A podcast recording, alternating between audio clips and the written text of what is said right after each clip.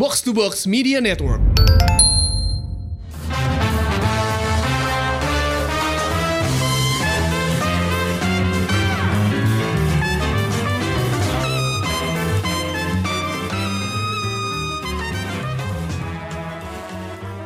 Halo, selamat datang di Showbox Podcast dengan gue Lisa.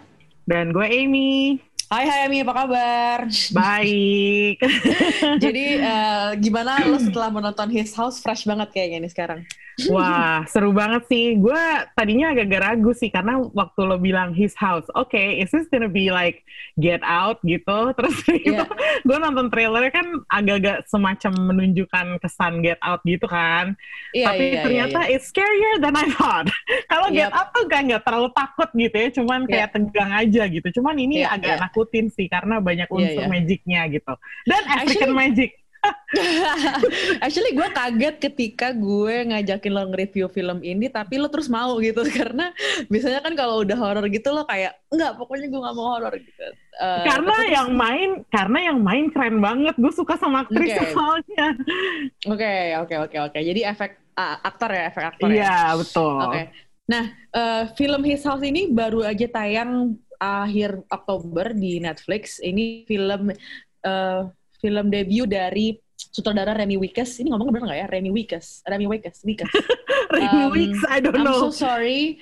Pokoknya iya itu. Uh, dan ini diperankan oleh uh, Uni Mosaku dan Sope Dirisu sebagai pasangan suami istri ya, Rial dan Bol. Mm -hmm. uh, yang berperan sebagai pasangan uh, asylum seekers. Jadi dia mm. mereka ini refugees ke Inggris dan uh, ya itulah pengen tinggal di Inggris saja karena untuk menghindari genosida di South Sudan gitu kan. Mm-hmm. gitu. Nah, ini tuh sebenarnya menarik karena dikemas sebagai horor tapi juga social commentary gitu kalau ngelihat mm. bungkusan jualannya gitu ya. Jadi secara otomatis kita teringat pada Get Get Out-nya uh, Jordan Peele. Nah, sekarang kita dengerin dulu trailer dari film His House. Congratulations. You're being released as asylum seekers, not as citizens, not yet. You will be sent to a home of our choosing. You must not move from this address. We are good people. Whether or not you're good people, it's not me that needs convincing. It's a palace. This entire house is just for us. It's gonna be nice, you're gonna be happy. As long as you can get along, fit in, be one of the good ones. This is our home. All I can taste is the metal. We'll get used to it.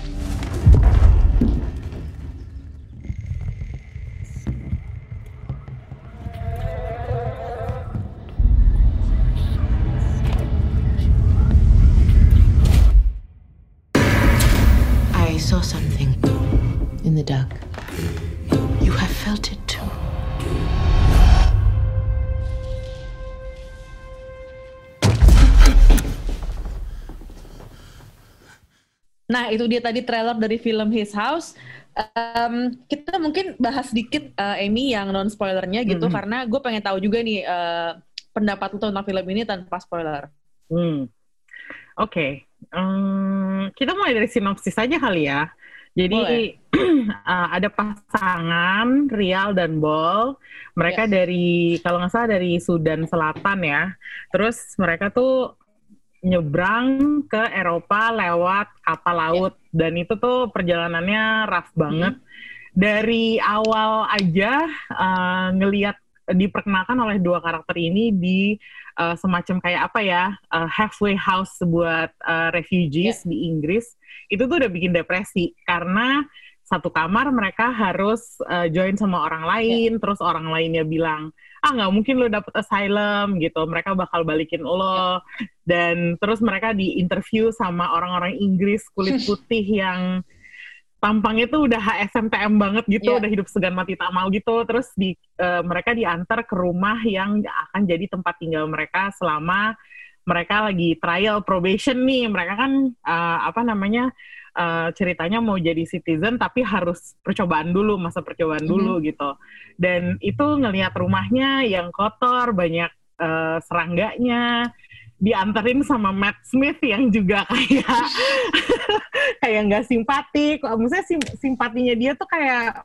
pura-pura banget gitu loh. Iya. Itu tuh udah bikin depresi banget. Jadi pada saat lo mulai nonton film ini, lo udah masuk ke uh, psikologi uh, seorang refugee gitu.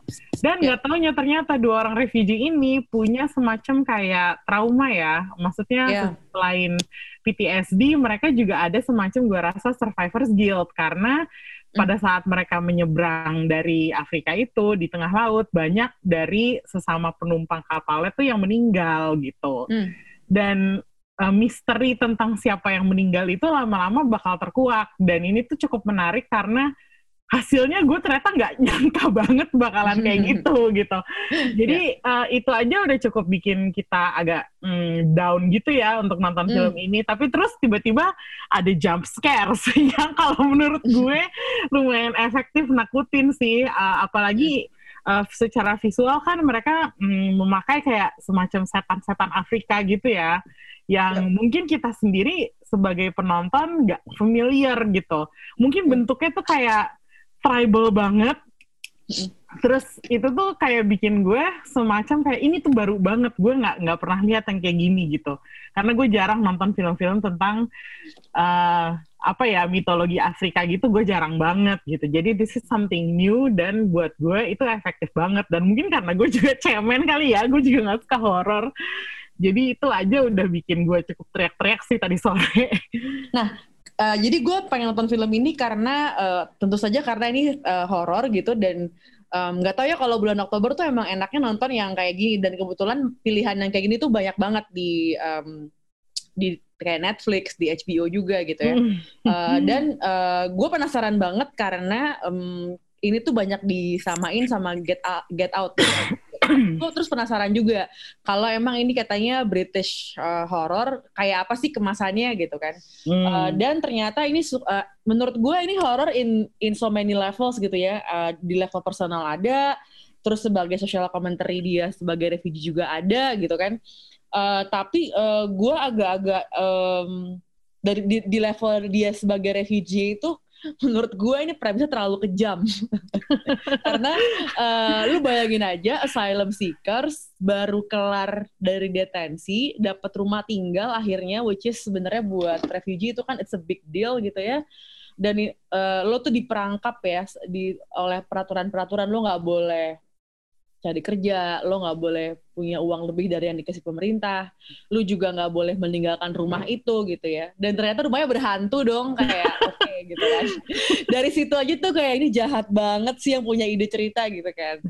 Dan itu nggak berhenti di situ karena ternyata hantunya itu lebih serem dari sekedar hantu-hantu. Kalau lo pergi ke rumah kosong dan ada hantunya ya, ternyata hantunya juga hantu trauma, rasa bersalah dan juga malu sebenarnya shame gitu kan. Iya. Yeah uh, which is itu sebenarnya nggak cuman serem tapi juga kayaknya torturing aja gitu.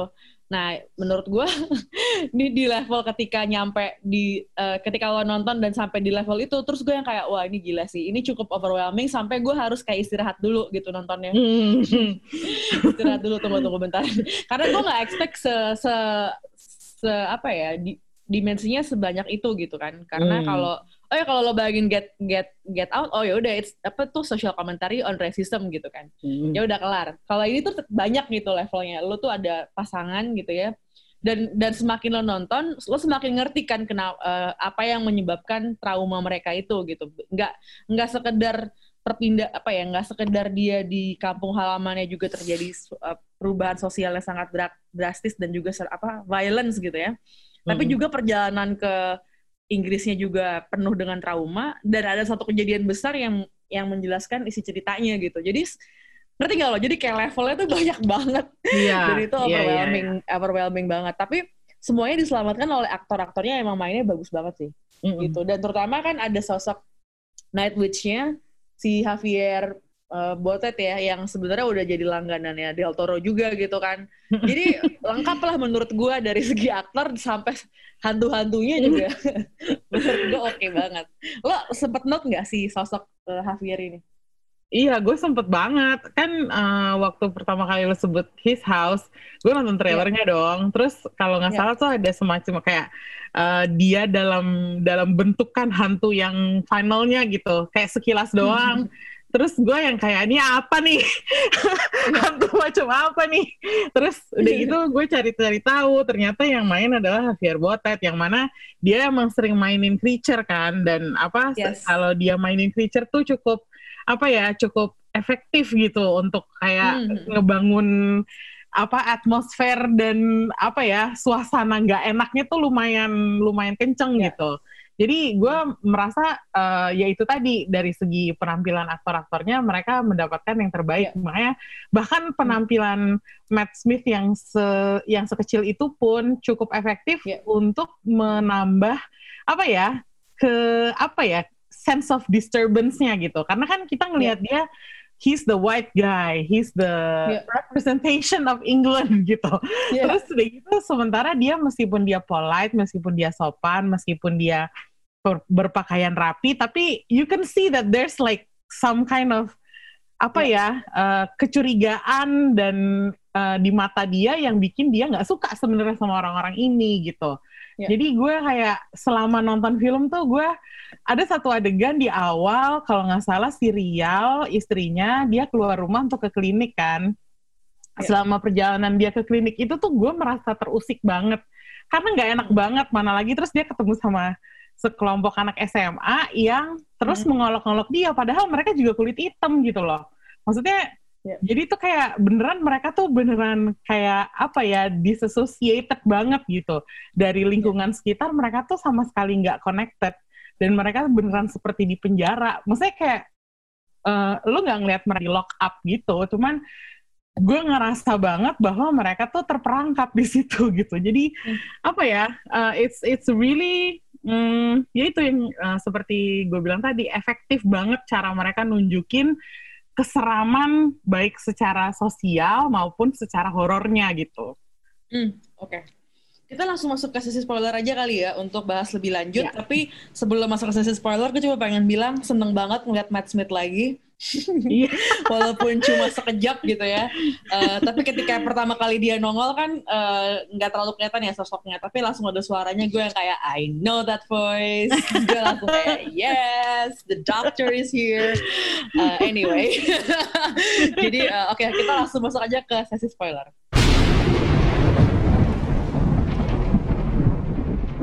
Oke, sekarang kita sudah mulai nih di sesi spoiler.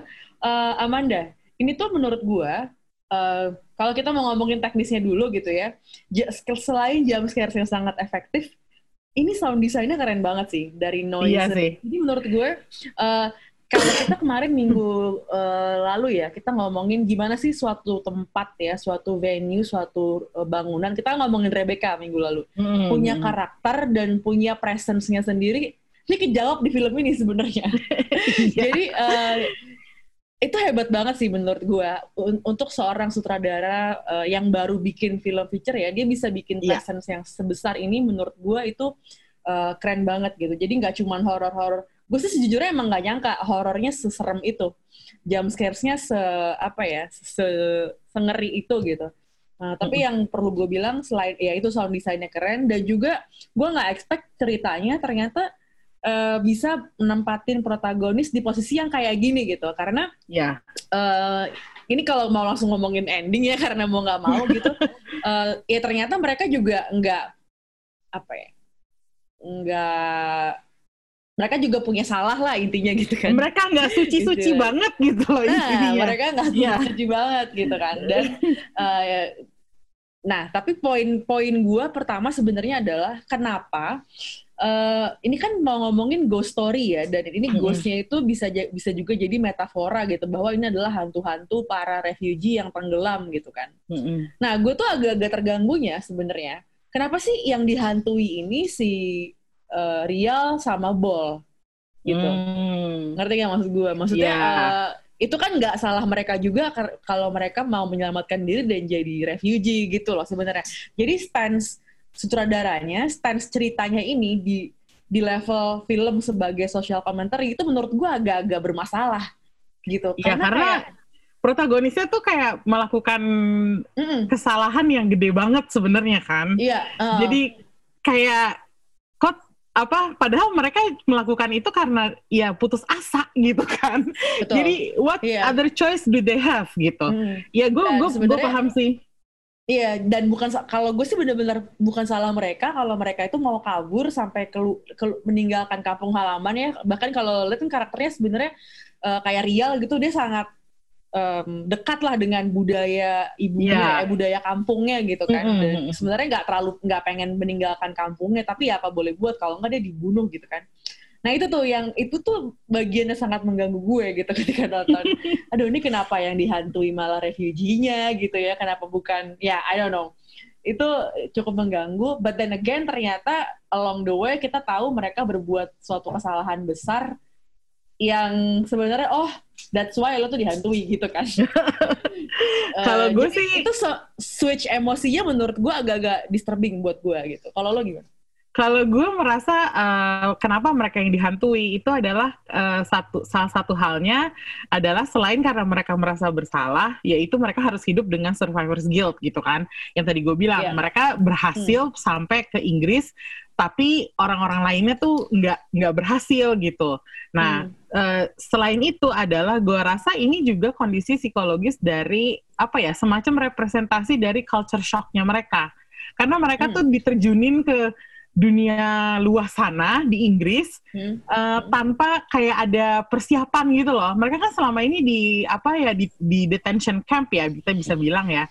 Mereka kan kayak closed off banget gitu. Jadi mereka Ya. tuh kayak nggak nggak di nggak dikasih training, nggak dikasih nggak ada penyuluhan gitu loh tiba-tiba Gak ada terus harganya lah ya dia hidup iya tuh kayak gitu. ya udah ya. Terus udah Hmm. gitu mana dikasih uang cuman 74 pound ya kalau nggak Oh salah. my itu god, kayak, aduh oh my god. Maksudnya how are they gonna live gitu. Terus udah Yap, gitu jadinya yap. jadinya kayaknya sepertinya ken- eh, kenapa mereka dihantui juga itu adalah karena mereka tuh belum bisa melepaskan diri dari masa lalu mereka sementara mereka udah dikonfrontasi oleh masa depan mereka yang nggak jelas banget. Makanya Hmm, sebenarnya gue gua eh, apa namanya kalau gue sih merasa eh, itu yang bagian tadi yang lo sebut itu di mana Hmm. mereka tuh kok kayaknya kenapa mereka yang dihantui? Kenapa mereka yang kesusahan? Harusnya kalau mereka udah survive harusnya mereka udah lebih happy gitu.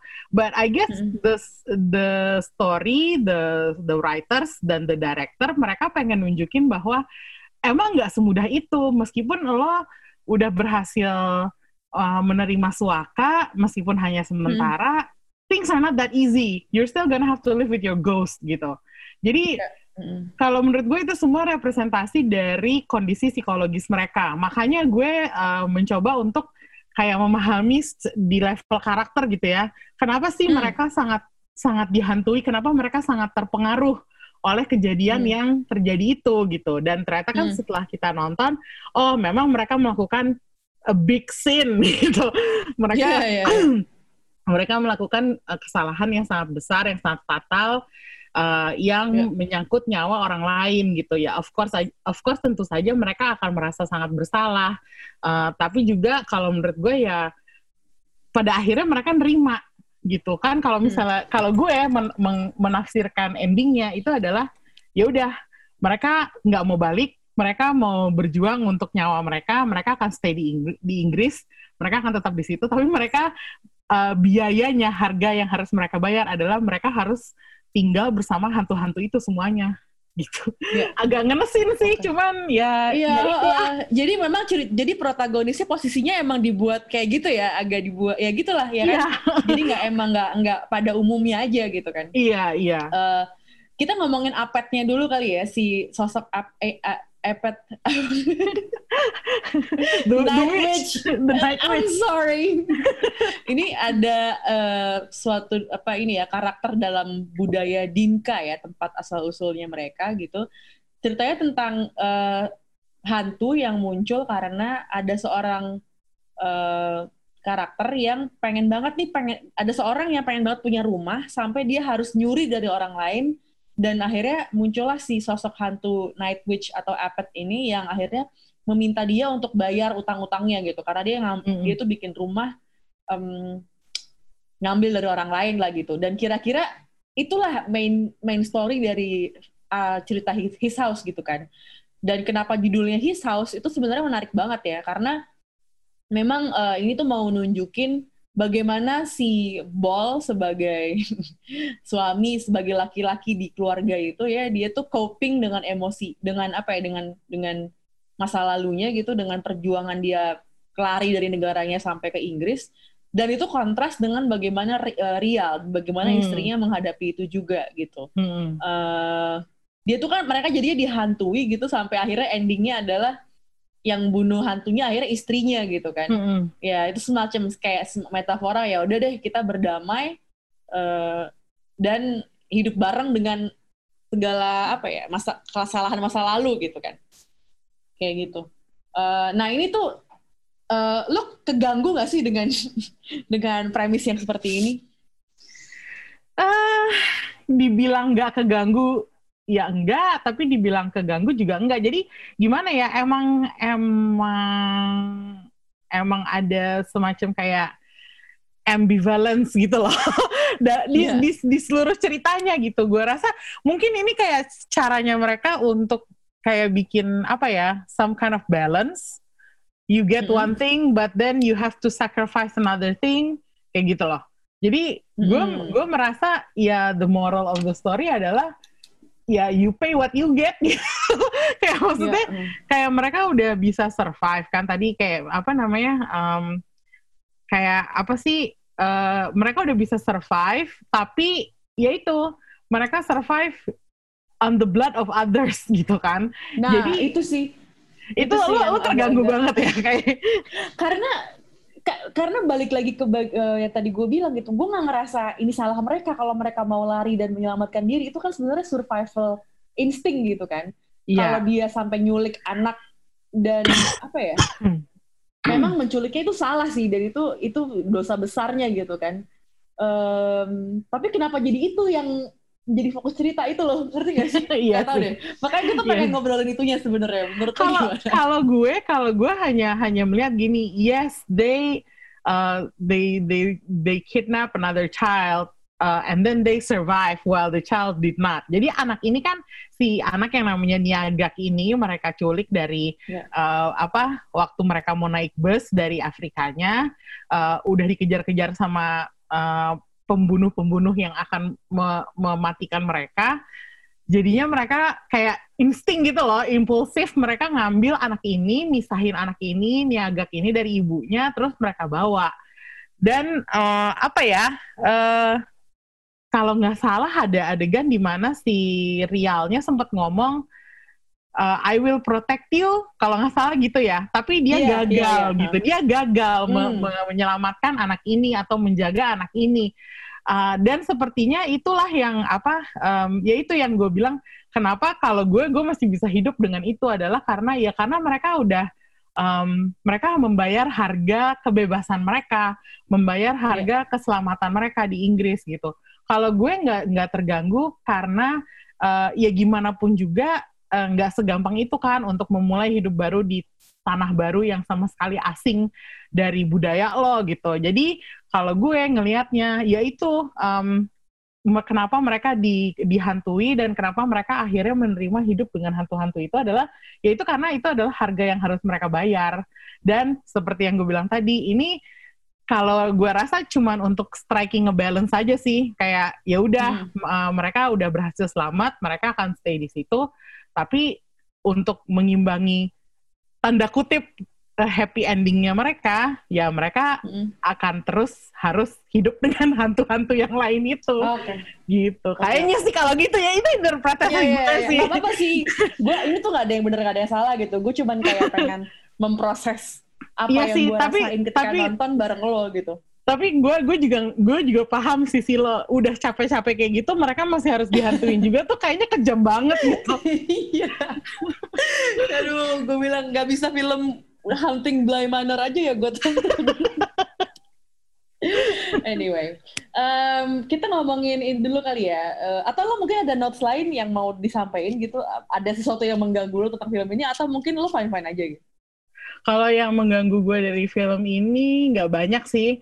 Uh, mungkin hmm. cuman kayak uh, ini aja apa namanya the apa ya the representation of England itu kayaknya Hmm. berat sebelah gitu. Kayak gimana sih? Iya. Ya gue tahu mereka emang hidup mungkin di community yang nggak terlalu nggak terlalu apa ya so, secara sosial mungkin bukan komunitas yang high end juga gitu. Jadi banyak kayak orang-orang roughnya gitu. Cuman nggak tahu kenapa kok kayaknya gue nggak ngerti apakah ini beneran ke- kondisinya pada saat ini tuh seperti itu. Tapi gue merasa kayak orang Inggrisnya tuh kayak nggak ada yang bener semua gitu. Jadi gue kayak gue agak-agak meragukan aja sih. Maksudnya ini beneran kayak gitu apa enggak ya? Mungkin gue karena gue nggak nggak pernah tinggal di Inggris ya. Jadi gue nggak ngerti juga gitu. Cuman kalau ngeliat dari film ini apakah apa nggak ada satu orang yang baik gitu di sana? Gue jadi pusing gitu. Bahkan tetangganya aja hostile ya kayak Iya, oh my god tetangganya keren week banget. gitu kayak wow. Oke oke oke. Iya sih, gue juga merasakan bahwa eh, ada semacam tekanan sosial eh, dan dan impresi kalau mereka tuh bener-bener nggak diterima lah di, di Mm-mm. negara itu gitu kan. Bahkan eh, Bol sebagai suami itu dia berusaha keras tuh fitting in, dia beli baju lah sesuai dengan iklan yang dia lihat gitu, iklan Happy Mm-mm. Family gitu. Mm-mm. Happy White Family ya. Perlu ditekankan itu white-nya. Eh, terus dia ke bar, eh, ikutan chanting. Itu gue mau nangis loh nontonnya karena Oh, apa ya? Iya, itu suatu adegan yang sangat sederhana, tapi kalau lo pernah berada di, lo pernah jadi orang yang beda lah dari orang dari orang-orang yang tinggal di sekitar lo gitu, lo akan tahu tuh betapa susah rasanya untuk berjuang, untuk diterima sama orang lain tuh Iya. susah banget dan dan lo akan ngerasa awkward untuk melakukan tradisi mereka gitu ya. Tapi ya lo harus melakukannya karena nggak ada pilihan lain. Kalau enggak, mereka akan semakin menganggap lo sebagai orang asing dan lo itu akan membuat lo semakin susah gitu kan. Wah itu eh, apa ya sedih banget dan itu adegan sederhana yang sangat menohok buat gua. Ada nggak Iya, adegan banget. buat lo? Kalau gue itu sih yang dia canting bareng sama orang-orang lain itu, sama waktu Hmm. di rumah uh, dia bilang ke istrinya uh, mereka harus makan di meja dan makan pakai Iya. garpu sama Sendok pisau, garpu. sendok garpu iya.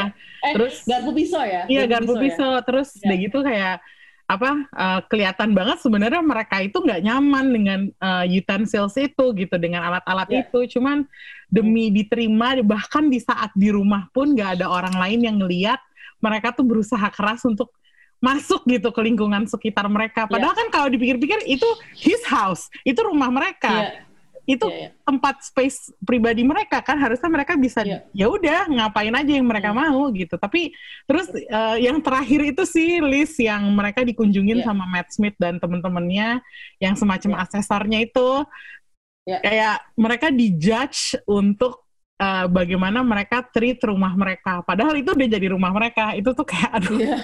heartbreaking banget sih gue kalau gue Oh, sih. sama ada ini sih, ada eh, beberapa kali tuh orang-orang Inggrisnya termasuk Matt Smith yang bilang eh, his house is bigger than mine. iya Jadi semacam- astaga. semacam kayak lo tuh sebenarnya udah enak banget tau di sini. Udah deh lo jangan macem-macem. Lo berusaha sekeras aja ah. sekeras mungkin aja supaya lo tuh diterima sama masyarakat Inggris oh kayak my god wow oke itu bener-bener oh. apa ya bener-bener itu tuh eh, ada semacam requirement unwritten requirement bahwa lo tuh harus performatif gitu supaya lo tuh bisa diterima sama masyarakat gitu kan wah itu Iya, aduh, itu gila sih. ya itu ya menurut gue itu pesan-pesan eh, social komentarinya isunya tuh lebih lebih universal dan lebih kuat dibanding kayak misalnya Get Out yang mungkin eh, racism tuh kuat tapi itu juga eh, at the same time sangat Amerika juga gitu konteks yang iya, diceritain iya, iya. sama Get Out sama Jordan Peele sorry Heeh. gitu sih kalau dia tuh bener-bener yang kayak kayak I think everyone tuh has been in this position gitu kan Iya, kayak lo tuh dipaksa bersyukur terhadap keadaan yang sebenarnya lo tuh nggak bisa ke mana-mana juga lo terperangkap Iya. juga gitu loh kayak Aduh. lo bukan berarti punya rumah baru atau pindah ke negara baru tuh hidup lo lebih baik gitu loh. Enggak. Lo iya. nggak punya kerjaan lo nggak bisa lebih dari berapa? 74 tahun ya. 74 pound, gila. iya. Iya itu kan. Nah ya kayak gitu-gitu sih. Eh Iya itu aja sih mungkin catatan dari gua gitu. Eh ada notes lain nggak Emi? Enggak sih kalau dari gue nggak ada, kecuali gue pengen Iya. sekali lagi memuji uh, apa Sope Dirisu sama Wunmi Mosakunya karena mereka ini nama-nama yang lo harus perhatiin karena Wunmi Ya. Mosaku contohnya uh, kalau nggak salah dia udah di cast di serial Loki gitu yang uh, bakal masuk Disney Plus tahun depan atau uh, in the near future lah. Maksudnya Iya. uh, dia juga main di Lovecraft Country kan dan maksudnya dia rising star kalau menurut gue dan aktingnya berdua ini emang keren banget. Jadi ya stars to watch lah maksudnya. Yes, yes, yes, yes. Bagus Gitu. banget sih memang. Um, oh ya, gue pengen nanya satu hal sih sebelum kita kelar. Menurut lo, ini tuh ada hubungannya dengan agama nggak sih film ini ke dengan apa mungkin Christianity gitu karena His House Uh, Hmm. atau gue nggak dapat kesan itu sih. Gue nggak dapat eh, nggak dapat hubungan dengan rel- secara religi. Gue nggak mengaitkan dengan apa pun sih. Karena seperti yang gue bilang tadi, gue juga nggak paham ya tentang kultur Afrika atau mitologi Afrika. Jadi setahu gue kan mereka di sana banyak kepercayaan kan. Mungkin ada kaitannya ke sana, tapi kalau di kalau dari diri gue sendiri, mungkin karena gue orang awam dan gue nggak paham tentang budaya Afrika secara menyeluruh. Uh, jadi gue nggak berani untuk komentar di hal itu gitu. Oke. Tapi kalau Iya ke religi Christianity, gue juga nggak melihat gitu. Oke. Nah itu sih kalau pendengar ada yang punya opini tentang itu, menurut gue seru banget. Langsung aja eh, bahas di Twitter gitu ya. Mention eh, box to box ID karena karena Twitter Showbox jarang dilihat. Langsung ke box to box aja deh. Cuman gue pengen banget sih dengar dari eh, teman-teman yang udah nonton His House juga gitu. Menurut lo film ini gimana gitu? Dan apakah lo merasakan hal-hal yang menurut gue ganggu tadi atau menurut lo biasa aja gitu? Eh, ya kayak gitu sih. Ya nggak sih? Ada lagi ya yang mau tambahin? Enggak, gue sih itu aja. Cukup cukup jantungan. Oke. Singkat dan padat episode kali ini setengah jam. Thank you banget Ya. yang udah dengerin Showbox. Thank you, uh, Emi. Sampai jumpa minggu depan. Um, bye-bye. Bye.